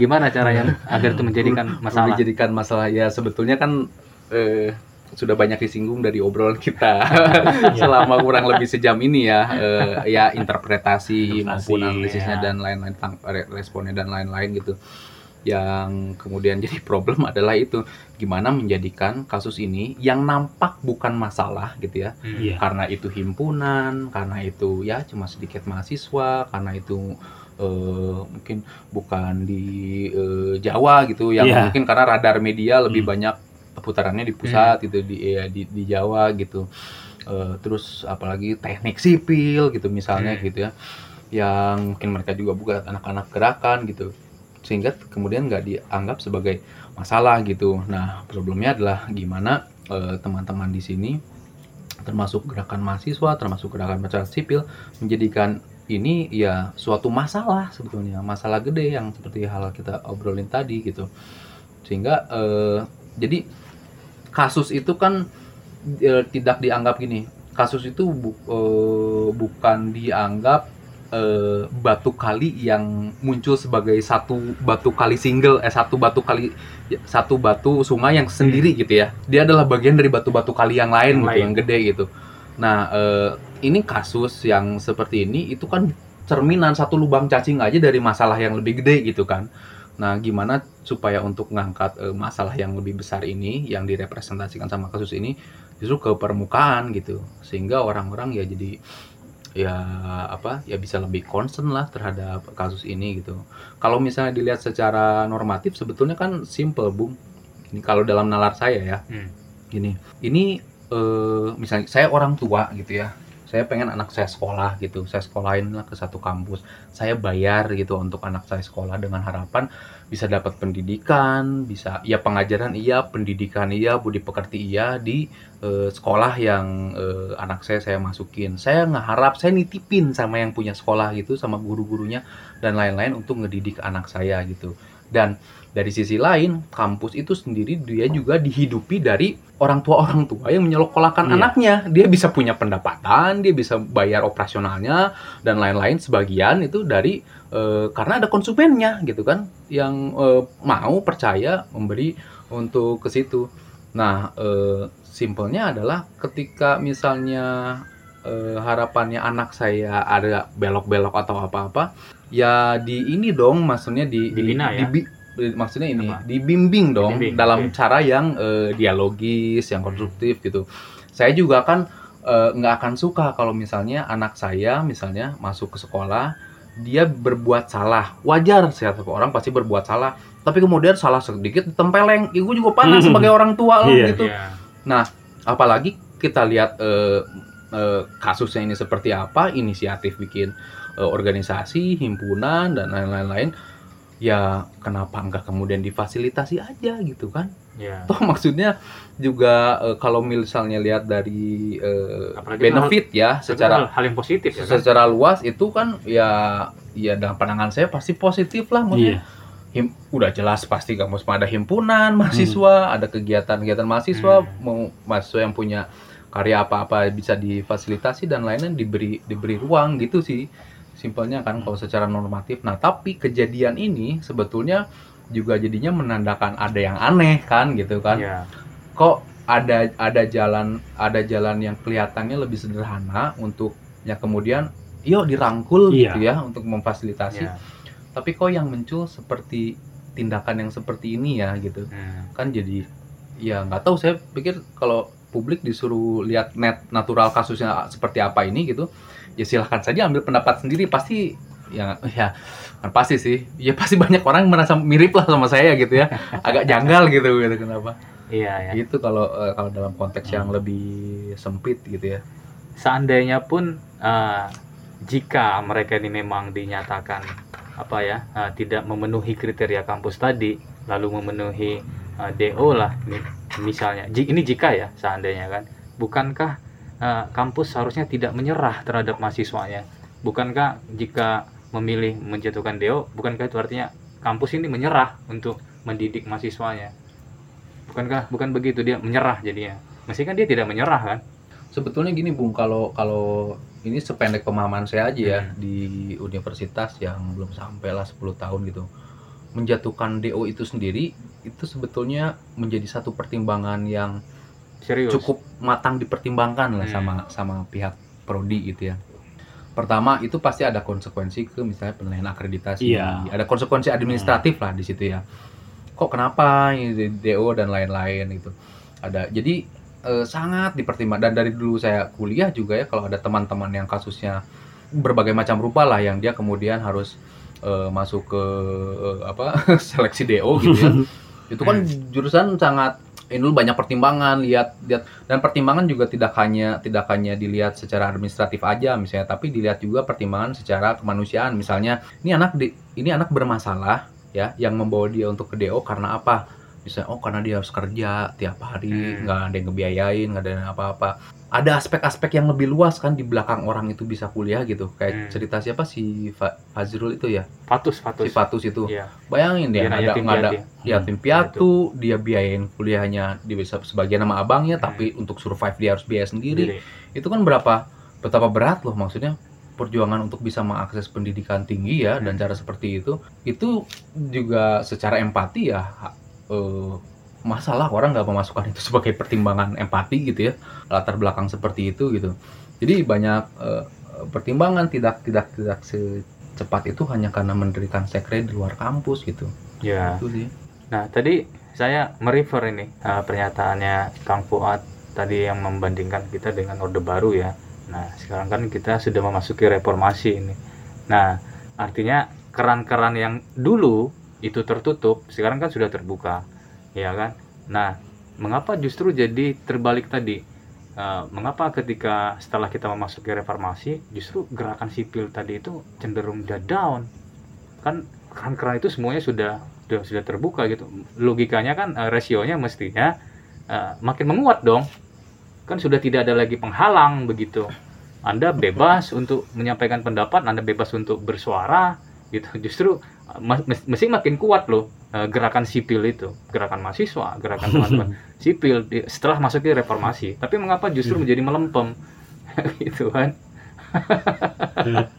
ya, Gimana ini? ya kalau idealnya sih mungkin gitu ya Bung. Eh, harapannya kan pasca Orde Baru itu harusnya ya eh, masyarakat sipil itu bebas untuk apa eh, bisa mengendalikan kehidupannya gitu termasuk eh, me- mengekspresikan eh, berbagai macam aspirasinya. Cuman kan ya kontestasinya kan ternyata ya orde, ketika Orde Baru Lengser pun juga nggak nggak langsung mati begitu saja ya.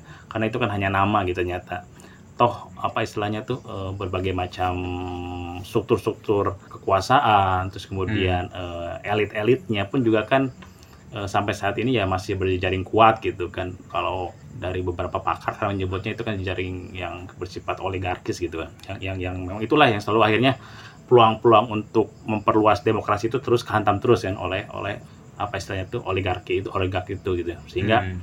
Eh, ya bahkan sekarang kan eh, tidak hanya lewat eh, apa tidak hanya lewat eh, represivitas tapi juga misalnya lang- langsung bikinlah misalnya regulasi yang memungkinkan eh, Nah, kepentingan-kepentingan iya. oligarki itu jadi lebih mudah ya UITE untuk di gitu ya, ya misalnya. UTE lah apalah gitu kemudian jadi sehingga apa ya harapan atau cita-cita pasca 98 itu ya sulit terpenuhi ya. Karena memang ternyata masih yang mati itu baru namanya saja gitu kan.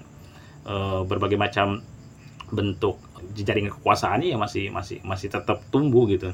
Bahkan kalau misalnya ini kan kalau dulu masih masih di lingkaran pusat gitu ya kalau sekarang ya beberapa juga terdesentralisasi ke daerah-daerah juga kan. Ada orang-orang jago di daerah yang yang kalau misalnya wah ini kayaknya bakal ngerecokin kepentingan kita nih ya Hmm. udah kasih pelajaran gitu misalnya kayak gitu. Sehingga ya apa istilahnya tuh yang yang yang gerakan-gerakan itu yang melempem itu tidak semata-mata. Karena masih ada sih saya saya melihat sampai hari ini pun juga masih masih ada beberapa masyarakat teman-teman aktivis teman-teman yang memang selalu punya kesetiaan punya keimanan dalam eh, untuk memperjuangkan ah, itu hak asasi lah. Terus kemudian juga eh, berbagai macam ini lah isu-isu ya tetap gitu tetap setia Nah. saya, masih lihat masih melihat masih ada gitu cuma memang bentuk-bentuk apa istilahnya tuh defense, defense itunya apa dari dari kekuasaan itu sekarang lebih lebih ini lebih beragam lebih masif gitu mungkin dalam kutip lebih canggih juga gitu Ya, ya, ya. Nah, dari diskusi kita ini, apa ada ada nggak pesan buat pendengar lah ini pendengar yang konsentris kan, Kang Fuad? Hmm. Mudah dia ada pesan yang ini. Saya Dari- na- nambahin dari- nyambung yang tadi Oke. dulu bisa ya, Bung Nah. ya. Nah, soal itu menarik juga ya soal keran informasi ya yang Hmm. tadi Bung Hendy. Kalau yang saya eh, lihat sih untuk beberapa hal gitu ya, berekspresi itu semakin Tertekan. luas, Oh, semakin leluasa. Makin luasa. Misalnya kita eh, nonjokin pohon pisang sampai rubuh salam dari binjai gitu ya. Itu kan udah oh bebas aja gitu kan gitu. Nggak ada nggak ada pengaruhnya buat agenda politis Politik. tertentu gitu kan misalnya gitu. Tapi untuk untuk ekspresi yang memang eh, muatannya politis gitu ya. Misalnya eh, kritik terhadap kebijakan, eh, kritik terhadap misalnya di tempat kerja dan lain-lain itu cenderungnya semakin ditekan kan lanskapnya kan jadi seperti itu. Nah, dan kalau kalau dalam pandangan saya sih Bung ini pasti ini jadi diskusi yang lebih panjang lagi tapi kira-kira mungkin ringkasnya perlu juga kita me- mendemistifikasi eh, reformasi 98 ya. Hmm. Ya sebagai eh, periode eh, baru demokrasi untuk satu arti tertentu itu bisa dikatakan iya eh, apa organisasi sipil bisa bermunculan, media lebih bisa eh, punya banyak ruang dan lain-lain gitu.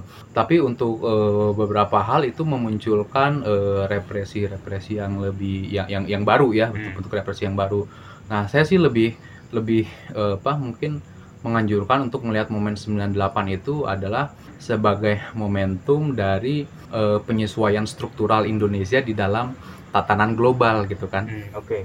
eh, di, di di samping ada kejadian reformasi 98 gitu kan secara kebijakan pembangunan gitu ya kebijakan ekonomi yang itu dampaknya luas buat eh, rakyat Indonesia gitu Indonesia kan semakin nggak bisa lepas dari kendalinya eh, misalnya World- eh, Bank Dunia IMF dengan ke- ke- kepentingannya Iya. kapital global lah ya yang memang powernya besar gitu dan apa penyesuaian secara struktural itu itu selalu terus berjalan sampai sekarang kan Hmm. Waktu 98 itu eh, Indonesia juga harus patuh terhadap ketentuan-ketentuan dari IM- IMF kan Oke. penyesuaian Nah. struktural tuh karena eh, untuk di zaman Megawati ada beberapa hal itu mulai muncul privatisasi kan Iya. muncul termasuk kita juga yang di kampus kan merasakan eh, privatisasi pendidikan tinggi kan di periode itu ya Hmm. terus kemudian di zaman eh, Pak SBY gitu eh, debottlenecking kan perizinan-perizinan yang menghambat investasi asing itu kan sangat coba dipangkas. Itu coba dipangkas dipermudah nah, itu ada agenda MP3EI kan ya kalau yang beberapa eh, kalau menurut dari teman-teman gerakan dianggap sebagai Indonesia for sale gitu kan itu. Dan kemudian di zaman Pak Jokowi ini melalui Undang-Undang Cipta Kerja. Artinya kan itu ada kesinambungan gitu supaya pertama gitu yang kebijakan neoliberal itu ya sektor-sektor yang publik tadinya harus menjadi tanggung jawab negara gitu ya Hmm. eh, untuk air tanah dan lain-lain itu itu harus diprivatisasi termasuk sekolah diprivatisasi artinya kendali untuk menentukan eh, hal-hal yang sifatnya publik itu ada di tangan segelintir orang kan Hmm. dan publik banyak eh, nggak bisa punya akses Iya. untuk ke kendali itu menentukan eh, menentukan untuk gua pengen anak gue sekolah berkualitas tapi murah susah kan nggak bisa. Yang ada adalah eh, orang tua generasi milenial berpikir gila nih anak gua kalau nanti sekolah ke tahun-tahun ke depan angkanya itu grafiknya naik terus Naik kan terus. biaya sekolah gitu. Itu kan dan itu seperti afirmasi bahwa itu tuh udah ada di luar kendali kita gitu. Padahal itu kan hal ya hal itu hak gitu. Itu hak kan untuk dapat pendidikan yang layak gitu. Yang harusnya semua orang merata dipenuhi. Tapi ini kemudian kebijakan seperti ini membuat ya oke pendidikan tinggi berkualitas bagus kalau lu punya duit gitu kalau untuk bagi, sebagian besar yang banyak ya yang so-so aja gitu biasa-biasa aja nah eh, dan dan kelihatan juga gitu eh, UU Cipta Kerja kemarin itu kan penyesuaian penyesuaian struktural yang terbaru gitu kan supaya Indonesia bisa eh, apa sih ya supaya kapital kapital eh, glo- transnasional itu kan bisa lebih eh, mudah untuk berakumulasi di Indonesia gitu. Yang imbasnya adalah imbas ke eh, persoalan layanan-layanan publik gitu. Hak-hak dasar gitu yang harusnya itu dijamin sama negara seperti ada di eh, undang-undang dasar gitu. Nah, kayaknya kalau misalnya kita melihatnya dalam kacamata seperti itu, persoalan demokrasi juga mungkin bisa dimaknai bukan sekadar kebebasan berpendapat aja, Iya. tapi juga kebebasan untuk menentukan hidup kita sendiri. Hmm. Publik untuk menentukan gue mau bertani dengan cara gue sendiri. Gue mau nanam tanaman-tanaman yang eh, itu bernilai buat gue, bisa buat konsumsi gue, bukan dikendalikan oleh misalnya korporasi pangan gitu misalnya. Itu kan paling dasar jadinya ke situ. Ya. Nah, kalau dari diskusi kita ini bila saya simpulkan Hmm. dari kita berangkat dari dari kasus DO teman-teman mahasiswa Universitas Demokrat Indonesia, kemudian kasus-kasus kemahasiswaan yang lain tadi, eh, ternyata eh, berarti ini bisa dibilang persoalan struktural sebenarnya, bagian dari persoalan struktural yang itu muaranya adalah nanti ke kualitas eh, berdemokrasi, kita demokrasi. Nah, Hmm. eh, untuk terakhir ini eh, Kang Fuad kita kayaknya udah cukup lama nih ya berdiskusi nih Berapa Kar- kita? karena nggak nggak nggak kerasa nih pendengar konsentris seru berdiskusi dengan Kang Fuad dan Bung Dodi ini Eh, jadi adakah pesan eh, kepada eh, teman-teman pendengar konsentris lah dari diskusi kita ini. Siapa dulu nih Bung Dodi Kang Fuad silahkan apa ya pesan-pesan eh yang jelas ini sih apa eh, kita mesti aware ya bahwa soal kehidupan kita ini ya pada dasarnya ya tidak sedang baik gitu. Eh, ada berbagai macam gejala-gejala apa istilahnya tuh mencoba untuk bahaya bahasa ekstremnya yang membunuh demokrasi gitu. Oleh karenanya ya dan itu bisa terjadi ke- kepada siapa saja. Khususnya mungkin kepada masyarakat umum masyarakat biasa yang dia tidak punya sesuatu yang yang enggak apa istilahnya tuh dia tidak punya backingan tidak dia punya modal tidak punya kapital Hmm, tidak punya akses. kekuasaan akses dari segala rupa itu sangat mudah sekali untuk bisa terkena gitu. Dan oleh karenanya ya cara untuk eh, apa istilahnya tuh bukan mel- ya melawan ataupun berjuang itu ya salah satu caranya kita harus bisa bersolidaritas ketika misalnya ada masyarakat yang apa istilahnya tuh ya kalau bahasanya terzolimi ataupun sedang apa istilahnya terusik oleh eh, proses pembunuhan demokrasi itu gitu.